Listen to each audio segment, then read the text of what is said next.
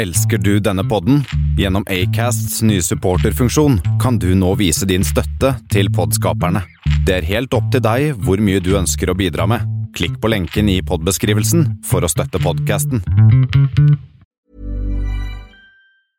There's never been a faster or easier way to start your weight loss journey than with.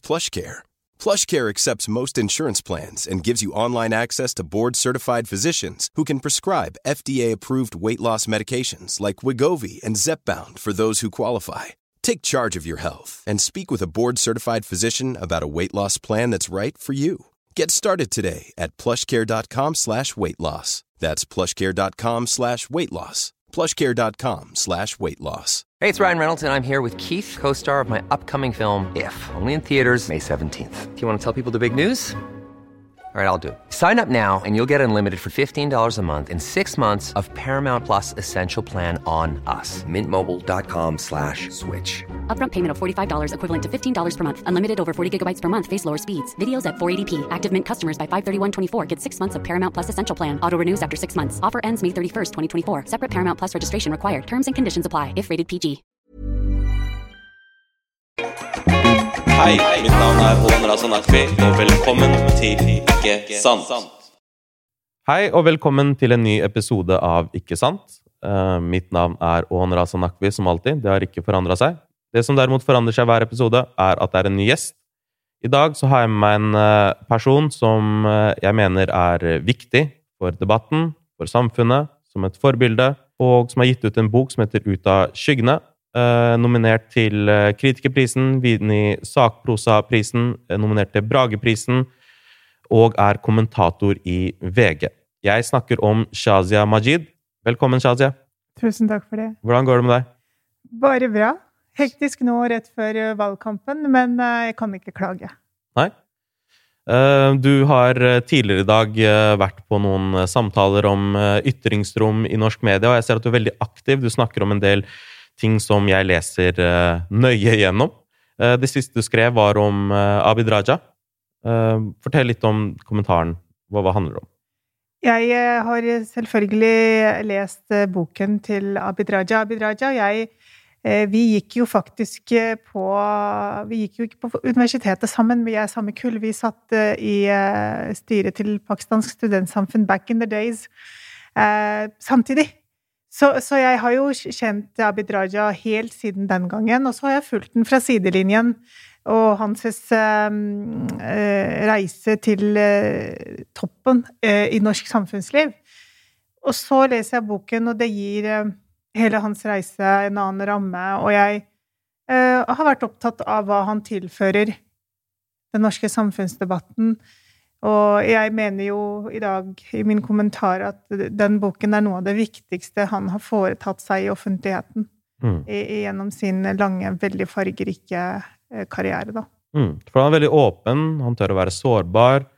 Han eh, snakker om smerte, han snakker om ting han har gått gjennom. Eh, mange ting jeg ikke visste. Jeg har lest noen Jeg har lest om boken, jeg har ikke rukket å Jeg vil anbefale at du leser boken, for jeg tror at vi som har samme bakgrunn, leser den litt annerledes. Mm. Og jeg ser at eh, veldig mange allmennlærere er veldig opptatt av at han beskriver uh, oppvekst mellom to kulturer så utrolig bra. Og det gjør, gjør han jo også, men jeg tror han gjør noe viktigere, og det er å gi uh, Å åpne rommet for menn i den patriarkalske kulturen, da, som jeg og du er en del av.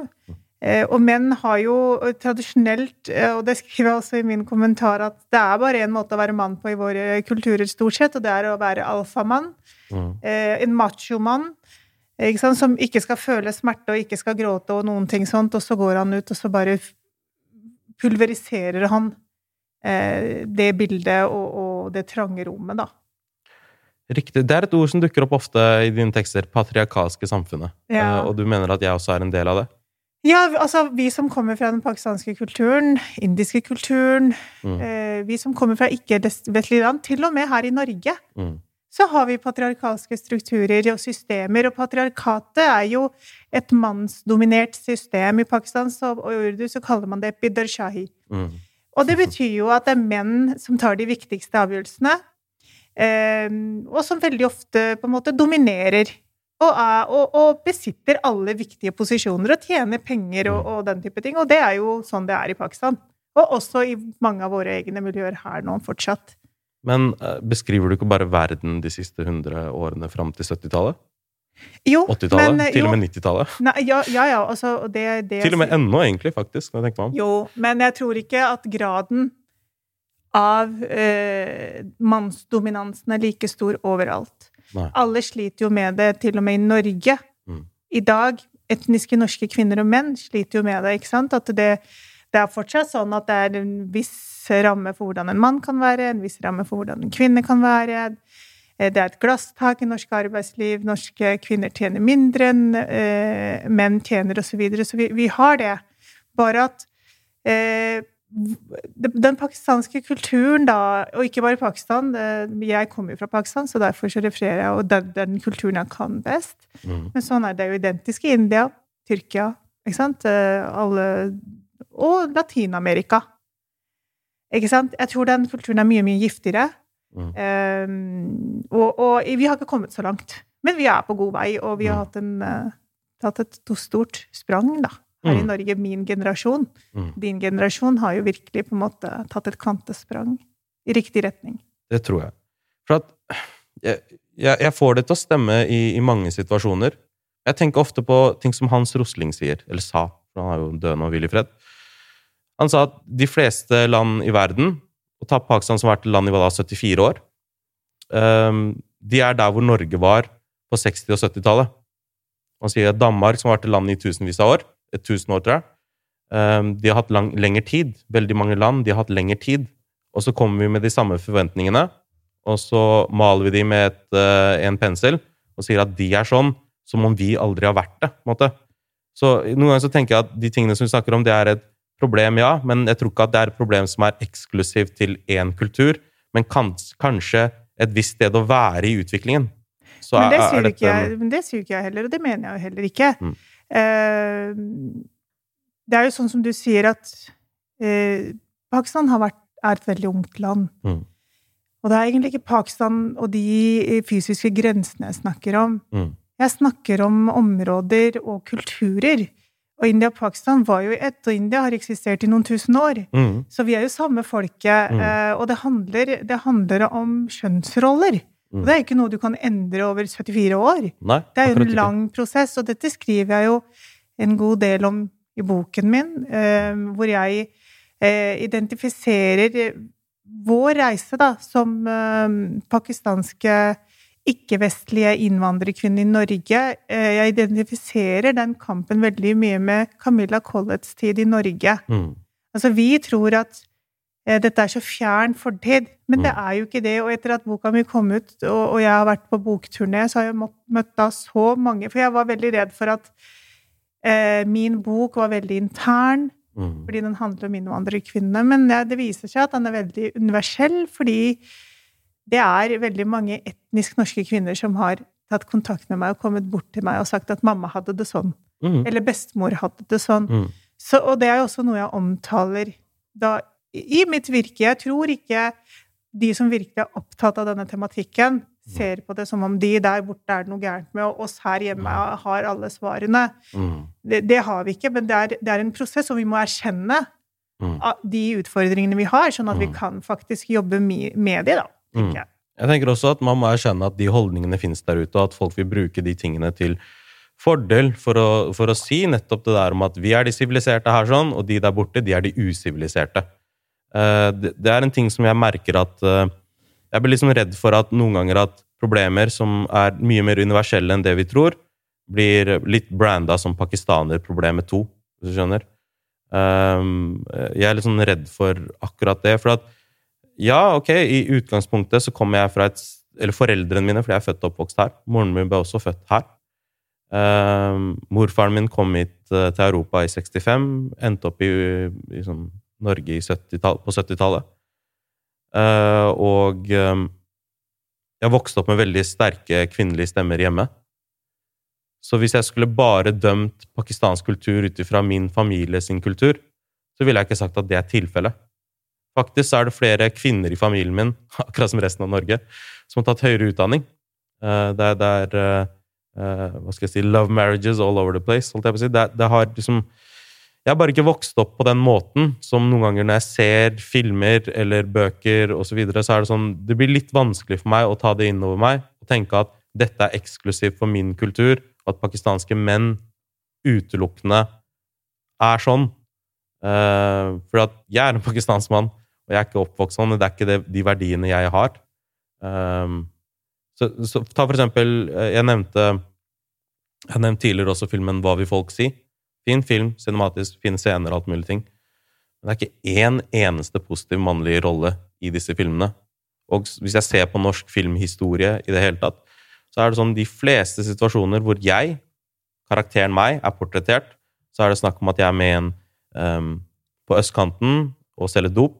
Uh, jeg er undertrykkende mot min egen søster. Og de tingene, det, det, farger ting. Ja, det er en veldig stereotyp, har vært en veldig stereotyp uh, og utdatert uh, gjengivelse av oss. Mm. Menn og kvinner, begge deler. Men det er jo i endring med Mona Han. Søstera mi har jo laget 'Skitten snø' og den mm. NRK-serien, og der er jo eh, antagonisten, eller the bad guy, er jo etnisk norsk gutt. Mm. Og eh, det er brødrene som da redder jenta og gir henne omsorg og forståelse. Så jeg tror på en måte at eh, vi er på rett vei, men det er veldig satte stereotypier da, som, som, som, er vanskelig å bryte ut av. Men samtidig så er jeg opptatt av, opptatt av Fordi at jeg er journalist og har vært det eh, i over ti år. Uh, og, og, nå snakker jeg egentlig fra et journalistisk ståsted, og min bok er også, kan man jo også se på som For det er en dokumentarbok. Mm. Så det er like mye journalistikk som, som noe annet. Eh, og jeg tenker at det er det er min plikt eh, å eh, være redelig og, og, fortelle sannheten. Mm. Og noen ganger kan sannheten være vond for oss, fordi mm. sakens kjerne er jo Jeg, er jo, jeg har jo vært jeg, jeg, De som kjenner meg, vet jo at jeg har vært opptatt av kvinnekampen helt siden jeg var ung. Mm. Eh, vi startet jo det første flerkulturelle ungdomsmagasinet i Norge som het Eksplosiv fordi vi var generasjon X. Mm. Det er lenge siden. Men allerede da husker jeg at jeg skrev om arrangerte arrangert ekteskap og tvangsekteskap fordi det var det vi var opptatt av. Vi sto midt i det. Mm. Vi var den første generasjonen som ble gift bort. Syndebukkgenerasjonen? Jeg kaller det storesøstergenerasjonen at, ja. at, i boka mi. At vi, vi var liksom forsøkskaninene. Mm. Så vi måtte gå først og bane vei for alle dere. Mm. Eh, og, og, og, vi har opplevd bare mye rart, og det er jo det også Abid Raja forteller om. Eh, for jeg ble jo gift i 96, og det, da jeg jo gjorde jo research når jeg skrev boka. Jeg tror det var 24 ekteskap det året. Altså vi var veldig, veldig, vi var noen av de første som eh, giftet oss eh, i Norge da, i barn generasjonen. Og eh, mitt var et kjærlighetsekteskap, og blant de aller, aller første eh, i Norge. Og det var eh, Det var veldig sensasjonelt. For det var ikke enkelt. Det var ikke rett frem. Nå tar vi din generasjon, da, eller de, våre yngre søsken, mm. tar veldig mye av de, de tingene for gitt. Men, men, mm. vi som har gått først, har vært gjennom veldig mye, og jeg tror at noe av den gjengivelsen da, henger igjen, og så har eh, våre søsken eh, bare gjort et Vi har alle gjort en enorm klassereise. Mm. Eh, jeg pleier å si at vi på en måte har blitt en form for pakistanere. Da. Mm. En form for elite i innvandrerbefolkningen. Indere er jo over oss fordi at de mm. både var mer utdannet, fikk bedre jobber, og har klart seg, integrert seg på, på en mm. mye bedre måte. Og, og, og, det tallene viser det. Statistikken hvem er, viser det. Eh, hvem er nederst, da? Åh, det tør jeg ikke å si, jeg vet ikke. Men det er jo de nyeste innvandrergruppene som havner nederst da. ikke sant? For de mm. er der pakistanere var i 1971, 70, mm. på 70-tallet. Helt nederst uh, på rangstigen, arbeiderklassen. Nå er det jo sånn at det er pakistanere som leier ut til somaliere. Mm. Ikke sant? Det har jo blitt slik. Eh, men jeg, du har rett i at uh, det er stereotypier, men det er jo noe jeg og du jobber med mm. og mot. Og vi har stadig nye stemmer, stadig nye forfattere, journalister. Mm. Vi gjør, prøver å på en måte endre på det, da. Det kom mye bra folk ut. Det, det, jeg jeg synes at jeg, jeg blir liksom stolt jeg, når jeg ser rundt, og det var egentlig grunnen til boka Third Culture Kids også, var at jeg ville vise fram. Eh, Jeg kalte det en rebranding av norsk flerkultur. Og ikke det at folk ikke kjente til mange av folka i boka, de kjente til dem, men de kjente ikke til dem eh, Jeg ville vise dem på sånn barnlig stadie. Eh, og eh, jeg ville vise at liksom sånn Jeg tror at ideen vår om hvem andre er, er noe vi må begynne å Uh, revurdere litt, og hvorfor de er sånn som de er. Hvorfor tror jeg er et veldig viktig spørsmål. Sånn som jeg har forstått det, basert på alle nominasjoner og, og all ros du har fått rundt boken din, Ut av skyggene, så er jo det noe du hjelper å bidra til. eh, og, og nyansere og fortelle den historien. Ja, altså det Hva, hva handler, for å bare introdusere boka da, til de som um, hører på, hva handler boken om? Ut av skyggene. Ut av skyggene er den første um, sammenstillingen av eh, eh, de ikke-vestlige innvandrerkvinnenes historie i Norge, rett og Mm. slett. De første 50 årene. Den jobben er jo ikke blitt gjort før, så det var jo på høy tid, og det er en paradoks at det er en datter som måtte til da, for, å, for, å, for å kunne sammenfatte den historien. Så jeg eh, har gått løypa da og bruker ma- mammans, mammaen min sin historie til å fortelle en større norsk fortelling om hvordan det var for innvandrerkvinnene å komme til Norge og bosette seg her. Fordi at historien om innvandrermennene er fortalt mange ganger både gjennom skjønnlitteratur, gjennom eh, journalistikk, gjennom studier og forskning, så er det eh, noe som er velkjent, forholdsvis velkjent. Eh, men historien om kvinnene er det ingen som har visst noe om. Og jeg var jo ikke klar over det når jeg begynte å mm, skrive boken. Jeg tenkte jo at jeg skal bare gå i et bibliotek og, og gjøre masse research og google alle studiene, og så skal jeg skrive en bok, og så viser det seg at de studiene og de artiklene og alt det der, det finnes ikke. Nei, det er en ukjent gruppe. Det, var, det er rett og slett en gruppe det, En veldig god illustrasjon på akkurat det er at jeg ville vite hvor mange kvinner fra Pakistan, India, Tyrkia og Marokko, det er de fire gruppene jeg har fulgt, eh, hvor mange kvinner kom det i 1971? For 1971 er jo en sånn der, um, turning point i norsk historie. Hvor mange var de? Og man, man tenker at eh, du går på SSB og finner det der, eller i en årbok, eller eh, Men så viser det seg, og jeg gjør jo research som en journalist, journalist da, og, og, og går til alle mulige institusjoner for å finne det tallet, og det tallet fantes ikke. Hvor mange innvandrerkvinner var her? Ja, hvor mange innvandrerkvinner som kom i 71, for eksempel, 72, 73, hvor Det mange var, var det i antall? Det var veldig, veldig få, tror jeg. Men jeg fant jo det tallet til slutt, slutt, okay, da. ok, ok. Ja. Eh, Hvor mange var det? Det, det husker jeg ikke, det, det står i boken min, men det eh, Selv ikke SSB det, det fant, De hadde tall på menn, men de hadde ikke en kolonne for kvinner i det hele tatt i statistikken. Men i september 2017 eh, Ja, det tror jeg var 2017, for jeg spurte dem i januar hvor, hvor er tallene. Mm. I september 2017 så publiserte de de tallene, og så, så ringte jeg og spurte hvorfor, hvorfor nå. Mm. Eh, 50 år etterpå, liksom. Mm. Nei, fordi Det er fordi ingen har spurt før. Så de Wow. publiserte de tallene når jeg spurte om de tallene. Wow, så de fins på grunn av deg? Det vil jeg si at det vil jeg påstå at de gjør, men, men ikke sant, 50 år for sent. Ja. Så de, man telte, de ikke, telte dem ikke engang, og Mm. når man ikke engang vet hvor mange man har, da så lager du ikke politikk på dem. Nei, ikke sant? Så det er den historien jeg forteller, Det er sant. Aud Korbøl sin bok også kom jo ut hva ble det da? Sånn eh, 40 år senere enn den skulle kommet ut. Nei, det var 75, 73-75 eller noe. Hun holdt på med det. Ja, og jeg har jo snakket en god del med Aud og, eh, under den perioden, for jeg, hun, hennes arbeid og hennes research hun, som hun gjorde på 70-tallet, var kjempeviktig også for meg. Mm. Men også henne stilte jeg spørsmålet når jeg leste boken 'Hvor er kvinnene?' Mm. Ikke sant? Og det er jo Altså, man må, må Jeg måtte snakke med førstehåndsvitner, tidsvitner. Mm. Og det er en utrolig bevegende fortelling. Når- du snakker om hvor er det disse menneskene kommer fra? Vi har stereotypiene, men hva er historien deres? Og, og, og det er det som blei så viktig for meg. Og jeg lærte jo masse sjøl. Mm.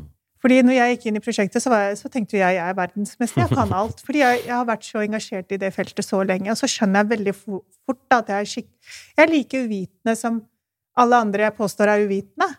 Eh, og, og, og da finner jeg bare ut egentlig hva utgangspunktet vårt har vært. Og hvor langt vi egentlig har kommet. Ja. Uh, var det over 100? Var det liksom, husker du cirka? Uh, nei, jeg tror det var i 1971 tror jeg det var åtte pakistanske kvinner eller noe sånt. Det var veldig få. Det er det jeg mener. For at, ikke sant ehm, Morfaren min kommer til Norge Jeg tror det var Jeg mener at det var 69. Han var sånn et par år før liksom selve store bølgen, men uh, Da er hun helt definitivt en av de første pakistanske kvinnene i Norge. Ikke sant? For han kom hit med mormora mi. Mm. Ikke sant? Akkurat det. Hvor er det de bosatte seg?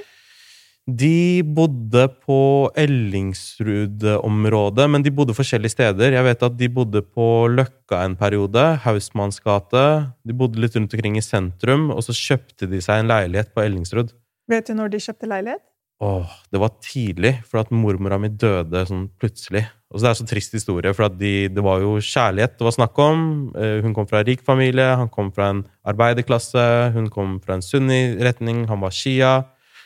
Og de kunne ikke være sammen, og lang historie kort, de måtte basically dra sammen. De fleste reiste jo uten konene sine, nettopp fordi du visste ikke hva som var ute i den store, fjerne verden, og hvor du skulle til, eller hva du kom til å møte på, eller om livet er i behold, eller hva som kom til å skje. Så du ville ikke liksom dra kona di med på den byrden. Eh, Men, men de reiste jo nesten sammen. Hun kom liksom sånn en måned etter han, etter at han hadde funnet et sted som var trygt nok. Eh, De, de kjørte hele veien til Tyskland fra Pakistan, faktisk. Veldig, veldig interessant. Eh, Denne historien må du jo skrive. Ja, det jeg holder på med det. Fordi at det er så viktig, det er så viktig at vi forteller disse kvinnenes historie. Jo flere, dess bedre er det. Det eneste som er litt kjipt, er at hun døde tidlig. Jeg fikk aldri møte henne. Jeg fikk aldri møte morfaren min heller, for den saks skyld, men de reiste i hvert fall på andre siden av verden, og de hadde kjøpt, akkurat kjøpt leiligheten, og møblene var ennå ikke pakka ut. Og så bare fikk hun vondt på sida her, sånn, feil på sykehuset, og så døde hun. Så trist nok. Var det tidlig 70-tallet? Det var, hun er den første muslimske kvinnen begravd på norsk jord, som vi vet om, da, sånn moderne tid. Sikkert noen i vikingtida òg, men, eh, men, men ja, eh, i gamlebyen. Ja. Så, nei, også, så, så på graven så har jo morfaren min skrevet hele livet vandret vi fra sted til sted, men aldri fikk vi banke på døren til vårt hjem. Så det er en veldig trist historie. eh, Og han sto igjen her med, med, med moren min, tanta mi og onkelen min, da, som tre barn. Så jeg fikk aldri liksom møte henne. Så, så jeg vet jeg vet ikke helt, jeg er sikker på at jeg kunne lært mye av henne hvis hun levde en dag i dag, for å vite ut hvordan det var. Eh, Så, så det er derfor jeg syns at akkurat det her med Ut av skyggen og historien til din mor Jeg føler at jeg kan lære noe om min egen mormor gjennom det. Det er eh, det som har vært noe av det sterkeste eh, etter at boken kom ut. Og eh, det er helt sånn, sånn som de sier at bøker lever evig. For jeg får fortsatt, eh, fortsatt tilbakemeldinger fra folk som nettopp har lest den. Mm. Men det som gjør sterkest inntrykk på meg, er unge, uh, unge med etnisk minoritetsbakgrunn, uh, barnebarna Mm. til disse kvinnene, som, som har sagt at eh, Vi har jo snakket masse med bestefar, men vi har jo aldri tenkt på bestemor. At hun også har en historie. Mm. Og så har de da satt seg ned etter å ha lest boken og spurt bestemor om hvordan det var for henne å komme til Norge. Ikke sant? Det er jo vi, vi, vi har jo sett på både det norske samfunnet og også selv eh, sett på dem som vedheng til mannen. De bare kom, de. De, Mm. de bare De har ikke Men ikke sant, det er Man tenker at når de kommer til Norge, så, så har de da har vunnet uh, gulloddet uh, fordi de kom til Norge. Her er det så fint og økonomisk trygt og alt. Men de har tapt, de har tapt så mye Mm. på den reisen på veien hit, ikke sant? Hva tenker du de har tapt? Uh, man tenker jo ofte at eh, kvinner i et patriarkat er undertrykket, og man bestemmer, og de har det egentlig ganske jævlig. Men det er ikke hele sannheten. Fordi at kvinnene i slike samfunn har jo, har jo en form for makt. Fordi at de eh, mobiliserer makt gjennom kvinnefellesskapet og gjennom familien. Så hvis en kvinne blir slått i Pakistan, eksempel, så står jo hun sjeldent alene. Mm. Du får jo hele hennes slekt på døra hvis du har slått henne. Ja, ikke sant? Ikke sant? Og, og når hun føder barn, så, så er hun ikke alene. Du har hele kvinnefellesskapet som tar seg av altså er, du, Hun mista hele sitt nettverk. Ja. Hele, hele eh, Det fellesskapet som ga henne omsorg og avlastning og hjelp. Og så ble hun da prisgitt en eneste person, som da veldig ofte er Som da som var mannen. Ikke sant? Og, og det vi ofte så, var at de fikk da mye mer makt over den ene kvinnen enn de hadde hatt hjemme, for der har du mange du skal svare til. Ja. Så, så det har skjedd da, og så kommer de hit, og så er de helt uten språk. Helt uten sosialt nettverk. Mm. Og forskjellen på Og, og det, sånn er det jo også med innvandrermenn, men forskjellen på menn og kvinner har jo vært at Og det gjelder særlig pakistanske menn. Eh, pakistanske kvinner og menn, ikke de andre gruppene. At eh, mennene var ute i arbeid. Så de Mm. hadde en helt annen kontakt med det norske samfunnet. Mm. Eh, hos pakistanere så var det sånn at ni av ti av kvinnene jobbet ikke. Nei, Så de kom aldri ut og i Ja. kontakt med det norske samfunnet. Kjenner du til Sunil Lona? Til Sunil Lona. Han var en av de første som tok embetseksamen som psykolog i Norge. Jobba i PP-tjenesten siden 1973 eller noe sånt. Nå. På Hersløp skole. Veldig, veldig um, viktig person, syns jeg. Um, og han nevnte jo at han hadde en sånn derre um, Han la merke til med, med elever fra eh, innvandrer, eh, med, med innvandrerbakgrunn som kom hit, at de hadde stor begrepsforståelse. Det vil si at de forsto konseptet av ting, men språket deres var på plass. Så det han gjorde, var at han kalte det for en, en bedre start.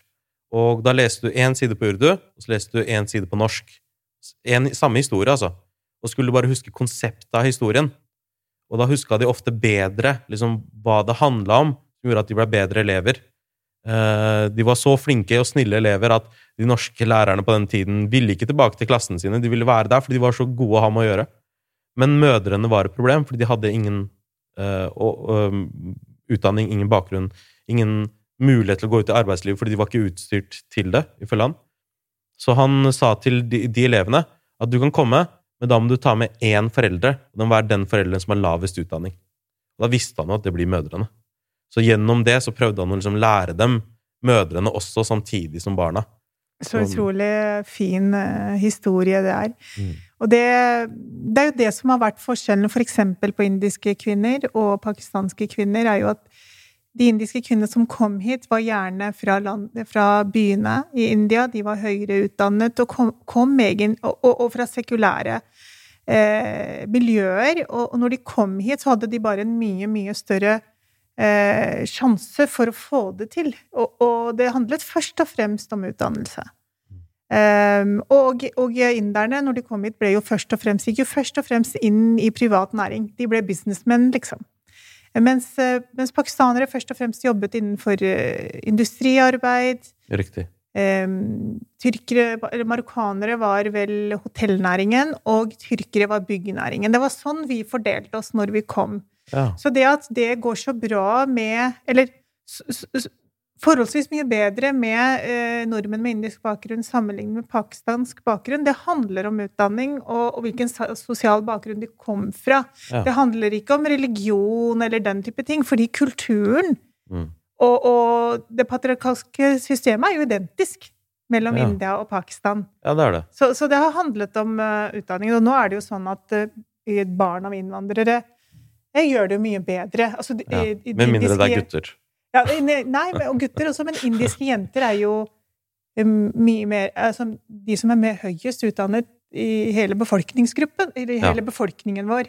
Er det ikke innvandrerjenter generelt, eller er det indiske jenter? Innvandrerjenter generelt, og indiske jenter spesielt. Å ja, ok. Ja. ok. Det er interessant. For det er mange gutter som faller ut, da. Jeg har en teori om det. Den er sikkert feil. Jeg kan kaste den ut.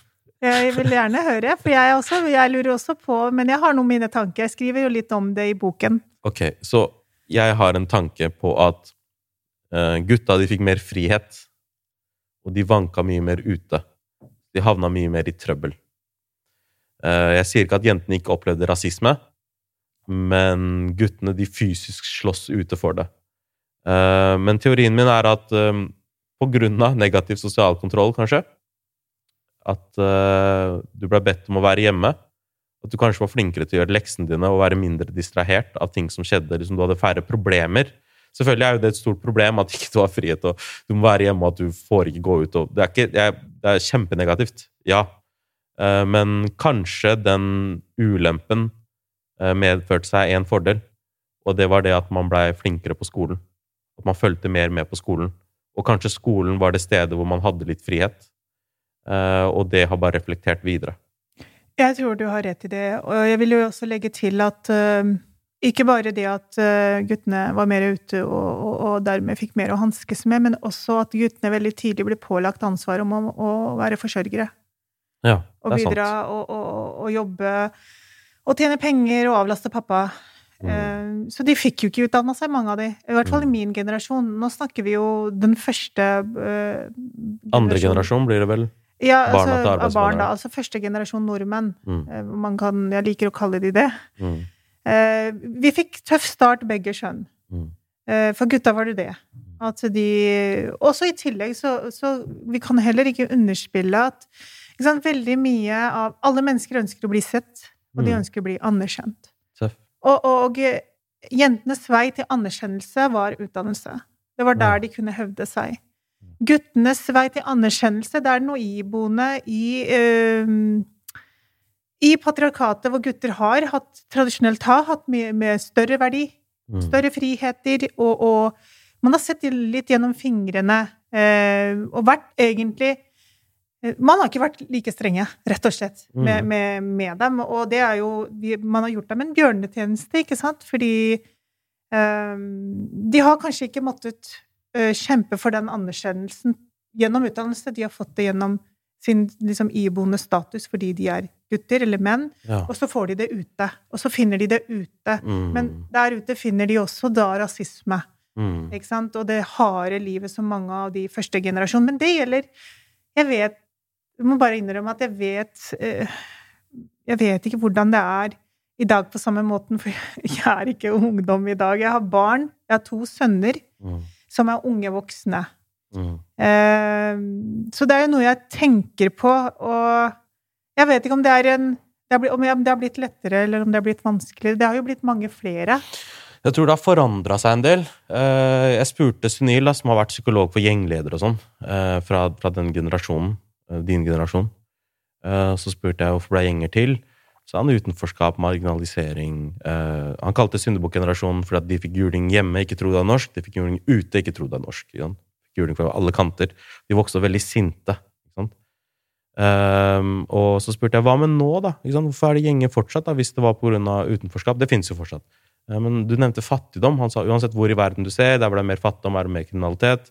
Det betyr ikke at alle fattige mennesker er kriminelle, men, men det bare betyr at du oftere er i en situasjon hvor ryggen din er inntil veggen, og du gjør noe for å ta en snarvei. Eller at du tenker Det skaper motkultur, da. Ikke sant? Um, alle andre har alt, jeg har ingenting. Det er dyrt å være fattig i Norge. Ikke sant? Uh, Så spurte jeg hva med nå, og så sa han at 25% av somaliske barn er under fattigdomsgrensa. De samme problemene gjelder fortsatt, bare ikke oss. Nødvendigvis på, i samme skala. Litt som det samme du sa. Pakistanerne har vært her lenger, tyrkerne har vært her lenger, hatt lengre tid på å etablere seg, og har dermed færre av de problemene. Så, så er Jeg tror du har helt rett i det. Jeg driver og faktisk jobber med en kommentar om barnefattigdommen hvor jeg tar opp akkurat det der. Mm. Eh, fordi at det er eh, eh, eh, Forekomsten av barnefattigdom er så mye, mye høyere hos barn med Mm. innvandrerbakgrunn. Og jeg personlig kjenner ingen andre innvandrere i Norge som ikke har vært fattige. Nei. Um, vi har vært, jeg har vært eh, del av en familie. Vi har vært fattige. Mm. Eh, vi alle har smakt på fattigdommen på en eller annen måte. Hvis, eh, liksom vi, vi, når innvandrere kommer, så begynner Mm. det jo helt fra scratch. Og på mange måter Mm. så har vi jo opplevd det, for vi har hatt store familier og små hus og, liksom, det savnet etter ting. Men jeg tror at det eh, Det bare blir sterkere og sterkere. Fordi at rikdommen blir større og større i Norge. Mm. Og hvis du ikke er en del av eh, de rike eh, Altså, du trenger ikke å være rik engang. Altså bare en vanlig, normal middelklassefamilie. Mm. Og så det, det gapet mellom rike og fattige blir større, da. Og da opplever vi det, det, det du beskriver. Mm. Sinne, frustrasjon, som da går over i at eh, unge gutter eh, da søker anerkjennelse og status eh, gjennom eh, kriminalitet, da, og, og, og, havner på skråplan. Så det er jo veldig alvorlig, også fordi det, det gjelder så mange innvandrerbakgrunn. Ja, riktig. Eh, jeg vet ikke, som sagt, som ingen andre, hvordan fremtiden utarter seg, men jeg vet at hvis vi eh, Jeg lurer på hva effekten av at det finnes en generasjon som er synlig, sånn som deg, sånn som Abid Raja, veldig synlig, sånn som eh, Ta Karpe, ta Arif, ta liksom folk i underholdningsbransjen. Ah, Hvilken effekt det har igjen på denne generasjonen. For jeg følte at jeg var litt sånn fattig på, på forbilder i oppveksten. Eh, for at folk var ikke like synlige, og de tingene jeg leste i avisene da, var jo stort sett Hvis jeg så noen som så ut som meg, så var det stort sett noe negativt. Ikke sant? Det er jo sånn eh, Norsk media har jo vært eh, eh, stormforelska i mulla Krekar i mange år. ikke sant? Og, og jeg i oppveksten kunne få spørsmål om ikke mulla Krekar, ikke hans form for islam, hvorfor er, hvorfor er muslimer sånn? I hele termer. Og når man vokser opp, når det er litt mer nyansert, og det fins flere stemmer, så håper jeg jo at, at det er bare et uh, nytt springbrett for neste generasjon. For sånn som du nevnte tidligere, jeg tror at uh, man åpner dører for hverandre, men det er jo mange dører igjen. Så ja, du, din generasjon, eller i hvert fall for din del, love marriage, men det var samme kultur, ikke sant? Han var pakistaner, han også. Eh, for min del så er min forlovede er eh, halvt thai, kvart kinesisk og kvart kambodsjansk.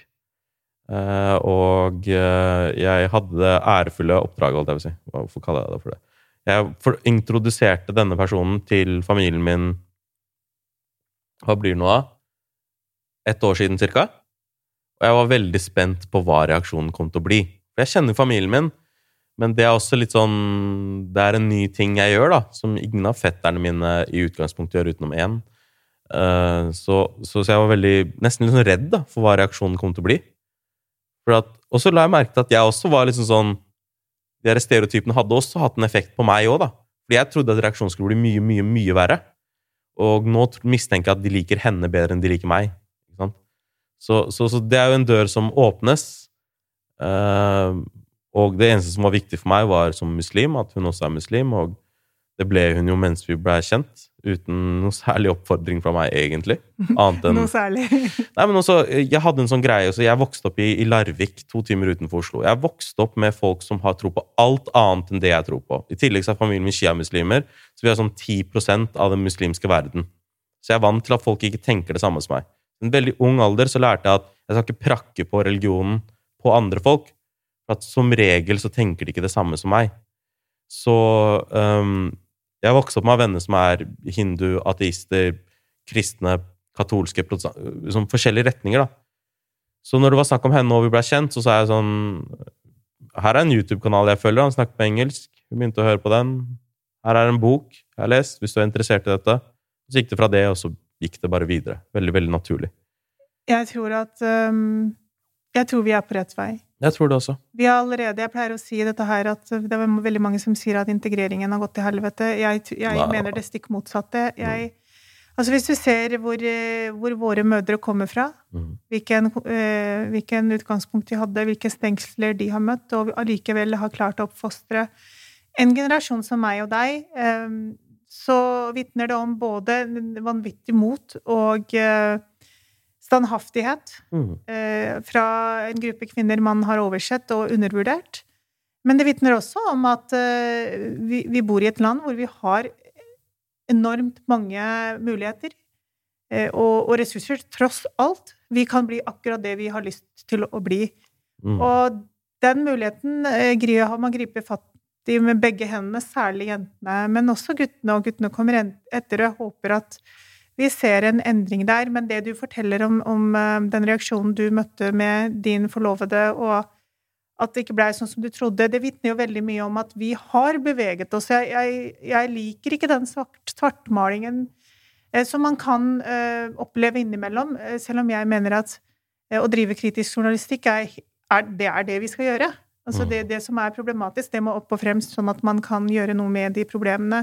Og det å snakke om det er ikke problemet.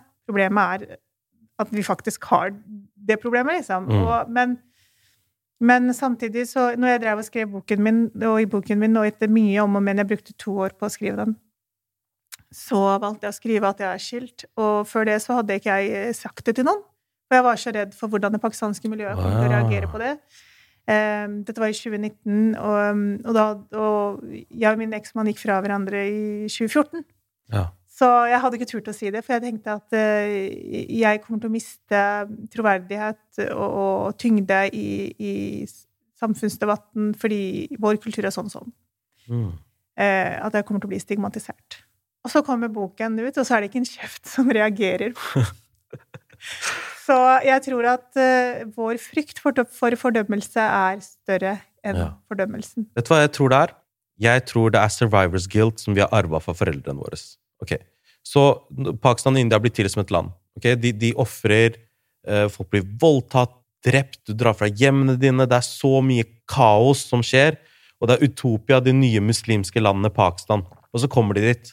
Og sånn som morfaren min hadde ti søsken. Og av de ti søsknene, de som gjorde det best på skolen, det er de som ble prioritert. Og nesten som en sånn herre Hva skal jeg si sånn herre Hva skal man kalle det?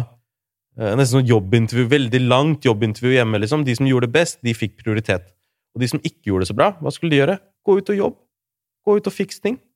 Altså, foreldrene hadde ofra absolutt alt for at du skal komme hit og du skal gå på skolen. Nå skal vi vise verden, men spesielt inderne Vi skal vise at vi skal bygge opp dette landet.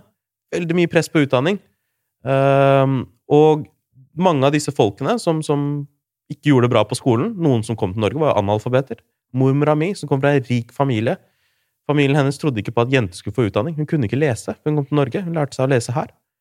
Eh, Men, men disse barna, når de eh, dro ut til det store landet for at mamma og pappa jeg skal vise dere, jeg skal også gjøre noe bra, så, så føler jeg at de hadde sånn veldig stort behov for å vise sånn nummer én jeg er ikke en sell-out. Jeg har ikke glemt kulturen min bare fordi jeg har gått til utlandet og tjent penger. Så det skal jeg vise også gjennom barna mine. Så fine og pakistanske de er. Ikke sant? Så, så jeg tror at det handler litt om sånn survivor's guilt. At, at man hadde et behov for å nummer én sende ekstremt mye penger hjem, selv om man ikke var så veldig rik her. Uh, Det er det ene. Og det andre var å vise at men jeg har ikke glemt hvem jeg er, bare fordi jeg har dratt. Mm. Og det komplekse der sånn, det handler ikke om kultur nødvendigvis, det handler om foreldre. Det handler om foreldre og barn. Mm. Det handler om foreldre som har behandla barna sine som shit, og gitt Mm. de følelsen av at de ikke er verdt like mye som sine søsken som gjør det bra, som utdanner seg. Og den selvfølelsen til den generasjonen tror jeg starter med å være veldig lav. Som, du, Mm. som du nevner selv, spinkle menn som kom med papirer i handa og skulle ha jobb i Norge. Ikke sant? Og det er uh... Det har en, det har vært en eh, tøff reise og, og et trangt rom både for menn og for kvinner. Ja. Eh, Og vi har snakket veldig mye opp gjennom årene, i hvert fall de siste 20 årene, om, om kvinnene, og ikke så mye om mennene. Og, og, Det det, og, det, og den kommentaren jeg skriver i dag, så er jeg opptatt av det at uh, vi kan ikke få kvinnefrigjøring uten at vi, mennene tar den mannekampen, at mennene Mm. bryter ut av de der veldig tradisjonelle kjønnsrollene og den dårlige samvittigheten og, og det store ansvaret som pålegges dem, da. Mm. Men er det sånn at man For at samtidig så kommer vi fra et sted hvor urdu er poesiens språk. Poesi er veldig vanskelig å skrive uten å være liksom Ha et følelsesspekter og vise følelser.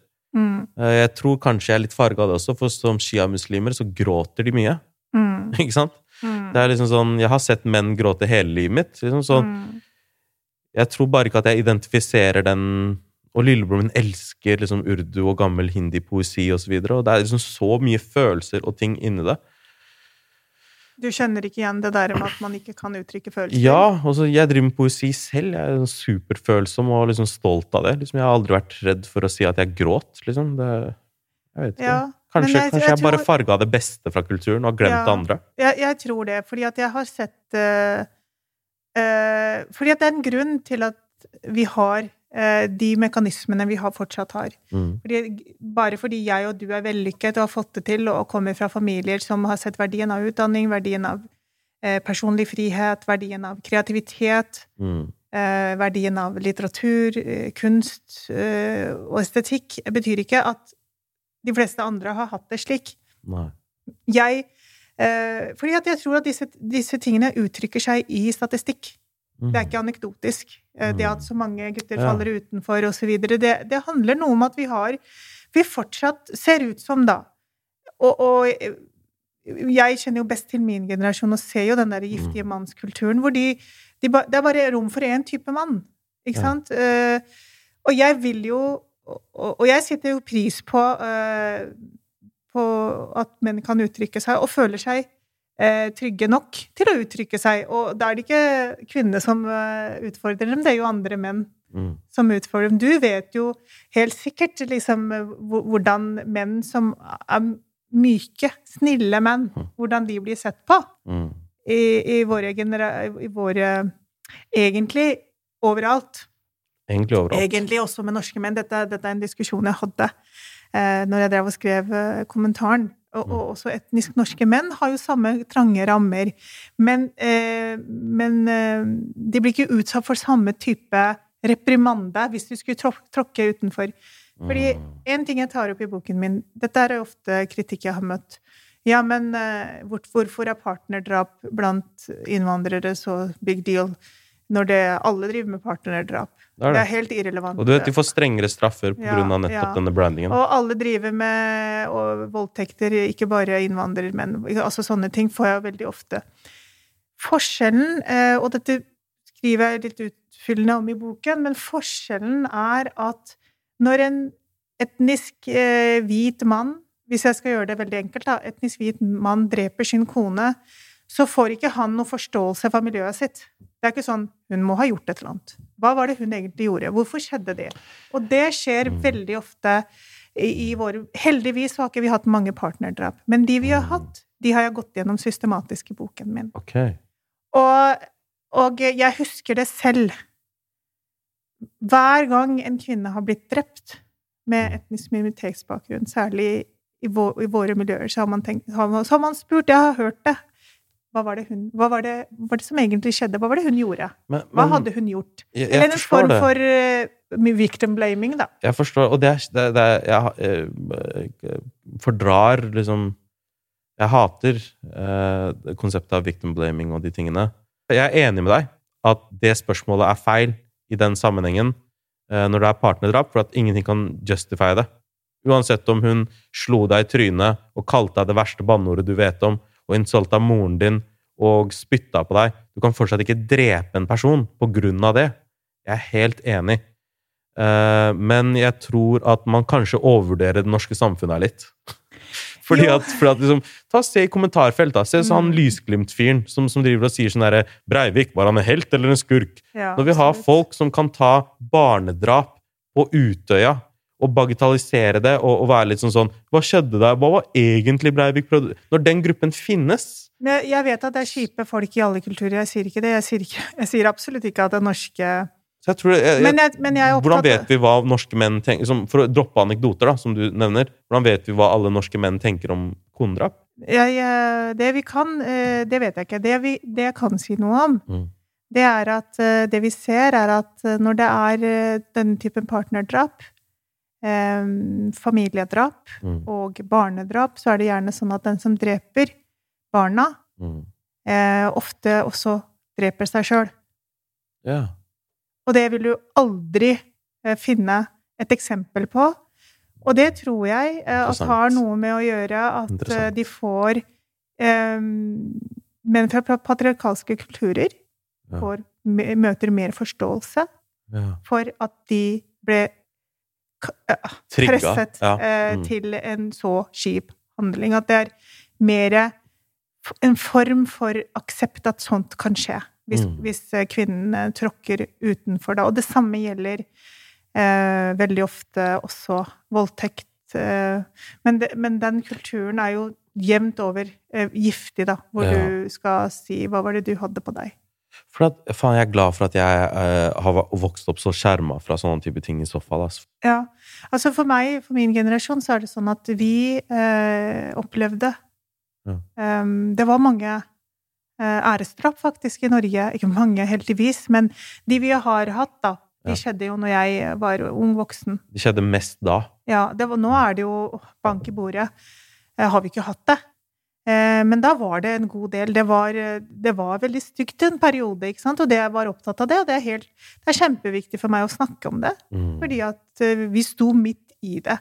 Mm. Og, og der, derfor så føler jeg at det er så viktig at de generasjonene Og derfor skrev jeg også boken, fordi at jeg vil at vi skal kunne vår egen historie, sånn at vi står bedre rustet Ja, det er sant. Det er et veldig godt poeng. til både å svare, men også kunne si at her er vår reise, og se hvor vi faktisk er i dag. Og vi har kommet kjempelangt. Nå er det jo ingen som gifter seg med eh, søskenbarn lenger, omtrent. Og Nei. det er nesten I det pakistanske miljøet så er det jo nesten helt ut med henteekteskap. Ja. Ikke sant? Så vi, vi er helt uh, klart i riktig retning. Og jeg tror Mm. også at med tiden så vil det bli sosialt uh, uakseptabelt da, å, å drive med familievold Mm. og konedrap, som det er i det norske samfunnet, helt klart. Mm. Fordi at det rommet blir, har blitt så trangt nå. Mm. Og det er jo en, det er jo en utvikling vi, eh, vi eh, må ta æren for, fordi at det er en vanvittig kamp som er kjempet. Vi har tatt Ja. skittentøysvasken ut i det åpne, Mm. og det skal det pakistanske samfunnet ha honnør for. Fordi man har hatt tilfeller i de indiske miljøene, tyrkiske, marokkanske miljøene, men det er jo ikke en kjeft som snakker. Nei. Ikke sant? Det er Så de, de tør ikke å ta De har ikke villet ta det oppgjøret offentlig. Den jobben har pakistanerne gjort for alle andre. Og da sitter folk også igjen med å tenke at det skjer mer hos dem enn de andre som ikke snakker om det. Mm. Det er jo et uh, sånn type problem. Uh, Men jeg er helt enig med deg om at man har kommet veldig langt. Jeg føler at man går i riktig retning. Uh, Chirag sier jo i Third Culture Kids, så snakker han også om moren sin. Han sier hun satt i hest og kjerre. Hun kjører Mercedes Benz i dag. I hodet mitt alle andre har vikeplikt. Mm. Og uh, så nevner han faren sin og sier at uh, du ser på han som en uh, fyr med en mage og en bart, men jeg ser på han som Neil Armstrong i klassereise. Mm. Ifølge han, om man er enig eller uenig i det, så er det ingen som har gjort et større 20-milssteg enn faren hans eller innvandrermannen. Og han sier også ting som at før i tiden så var jeg, ble jeg flau hvis foreldrene mine snakka dårlig norsk foran andre. Nå vil jeg at de skal snakke høyere. Hvor mange språk kan du? Mm. Sånn, norsk var det femte språket faren, faren min lærte seg. Eh, Og vi snakker ikke norsk, svensk, engelsk liksom nært beslekta språk, men forskjellige språk. Mm. Uh, Jeg er nok uh, enig med Karpe Ja. i mye av det, bare at jeg tror at kvinnene har eh, tatt eh, et større kvantesprang enn mennene. Ja, ok. Det, det, det, jeg føler ikke at jeg er utstyrt til å liksom på en måte Kvinnene, da tenker jeg på innvandrere, de kvinnene som selv har innvandret, da. Mødregenerasjonen. mm, Ikke sant? Fordi forskjellen på dem og, og pappaene våre, som sagt, var jo at eh, de, var, de var dårligere utdanna, eh, helt avkuttet fra det norske samfunnet. mm, men allikevel helt uten nettverk, helt uten støttespillere, ensomme. Veldig mange av dem, av dem ble psykisk og fysisk syke mm. eh, tidlig. Mye dårlig helse, ja, Ja. faktisk. Mye overvekt. Og allikevel, da, så, så klarer de å oppfostre, fordi at mye av min um, sterke tro på utdanning uh, kom jo fra mamma. Mm. Hun tvang oss, det var liksom ingen kjære mor. Ja, det kom fra begge hos meg. Eh, ja, faren min ville jeg skulle bli politimann på et tidspunkt. Jeg var nei. Og så var de innom og foreslo alle eh, advokat, legeingeniør, eh, eller alle i fagene, de greiene der. Eh, jeg har satt utrolig pris på denne samtalen, det må jeg virkelig si. Eh, og som jeg nevnte innledningsvis også, jeg er veldig glad for at du finnes. Jeg er veldig glad for at du driver med det arbeidet du driver med. Og det er bra at man tar opp de tingene som har skjedd. Eh, jeg tror at min jobb, og kanskje også din jobb, og alle andres jobb, er også å begynne å snakke om nå og framover. Eh, sånn at den skyggen slutter å eh, skygge for veien til de som vokser opp nå, som kanskje ikke opplever dette, men som opplever at samfunnet tror at du opplever dette.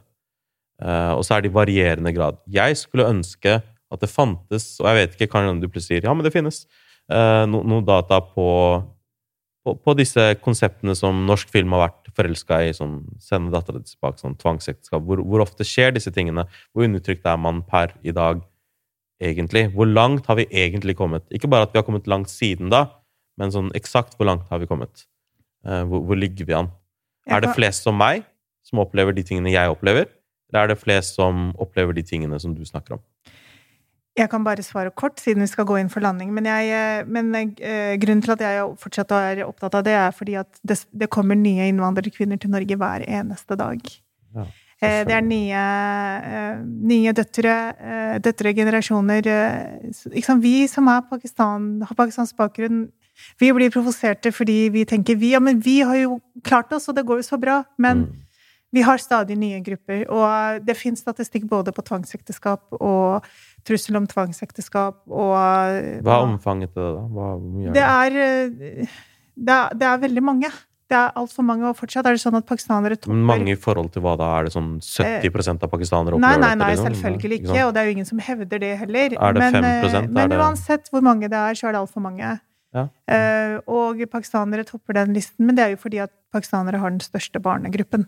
Så det er jo ikke fordi at pakistanere er de verste. Mm. Det er rett og slett at det er veldig mange i gifteklar alder der, da. Mm. Så det er jo hundrevis faktisk hvert år som opplever det. det, det Eh, fra alle grupper, selvfølgelig. Mm. Og for dem som opplever det, så er det dramatisk. Og, men de fleste eh, klarer seg jo helt fint. Mm. Og har det jo helt fint. Eh, men eh, er det vi, vi har eh, Vi skal både snakke om det som går bra, men jeg tror som journalist Mm. Eh, og, og pressens oppgave er faktisk å belyse kritikkverdige forhold. Det er vår mandat. Mm. Eh, Men jeg har jo gjort en hel eh, forskning på hvor, hvordan vi ikke klarer å gjøre den andre delen av jobben, og det er å normalisere Mm. innvandrerbefolkningen i pressen. Ja, ved å vise det- at de har normale liv. Dette er normale folk. Ja, og det, det er det den IMDi-rapporten kanskje peker litt mot også. Eh, spesielt det ene året, 2017 eller noe, så kalte de for 'medieskapt islamfrykt og usynlig hverdagsliv'. var liksom det rapporten Mm. het. Eh, og det er en helt annen dør å åpne, egentlig. eh, og, og Vi kan om- ta det i neste podd, Ja, fordi det- jeg har gjort forskning på det. Oh, har på åh. Oxford i fjor. Oh my god. En greit. på det. Vet du hva? En gang vi slår av det her, så booker vi neste dato med en gang.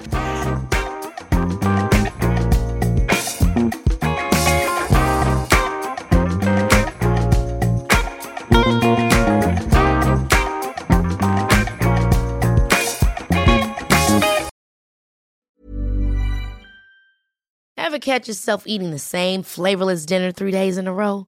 Dreaming of something better? Well, HelloFresh is your guilt free dream come true, baby. It's me, Kiki Palmer. Let's wake up those taste buds with hot, juicy pecan crusted chicken or garlic butter shrimp scampi. Mm. Hello Fresh. Stop dreaming of all the delicious possibilities and dig in at HelloFresh.com. Let's get this dinner party started. Even when we're on a budget, we still deserve nice things. Quince is a place to scoop up stunning high-end goods for 50 to 80% less than similar brands. They have buttery soft cashmere sweaters starting at $50, luxurious Italian leather bags, and so much more. Plus, Quince only works with factories that use safe, ethical, and responsible manufacturing. Get the high-end goods you'll love without the high price tag with Quince. Go to quince.com slash style for free shipping and 365-day returns.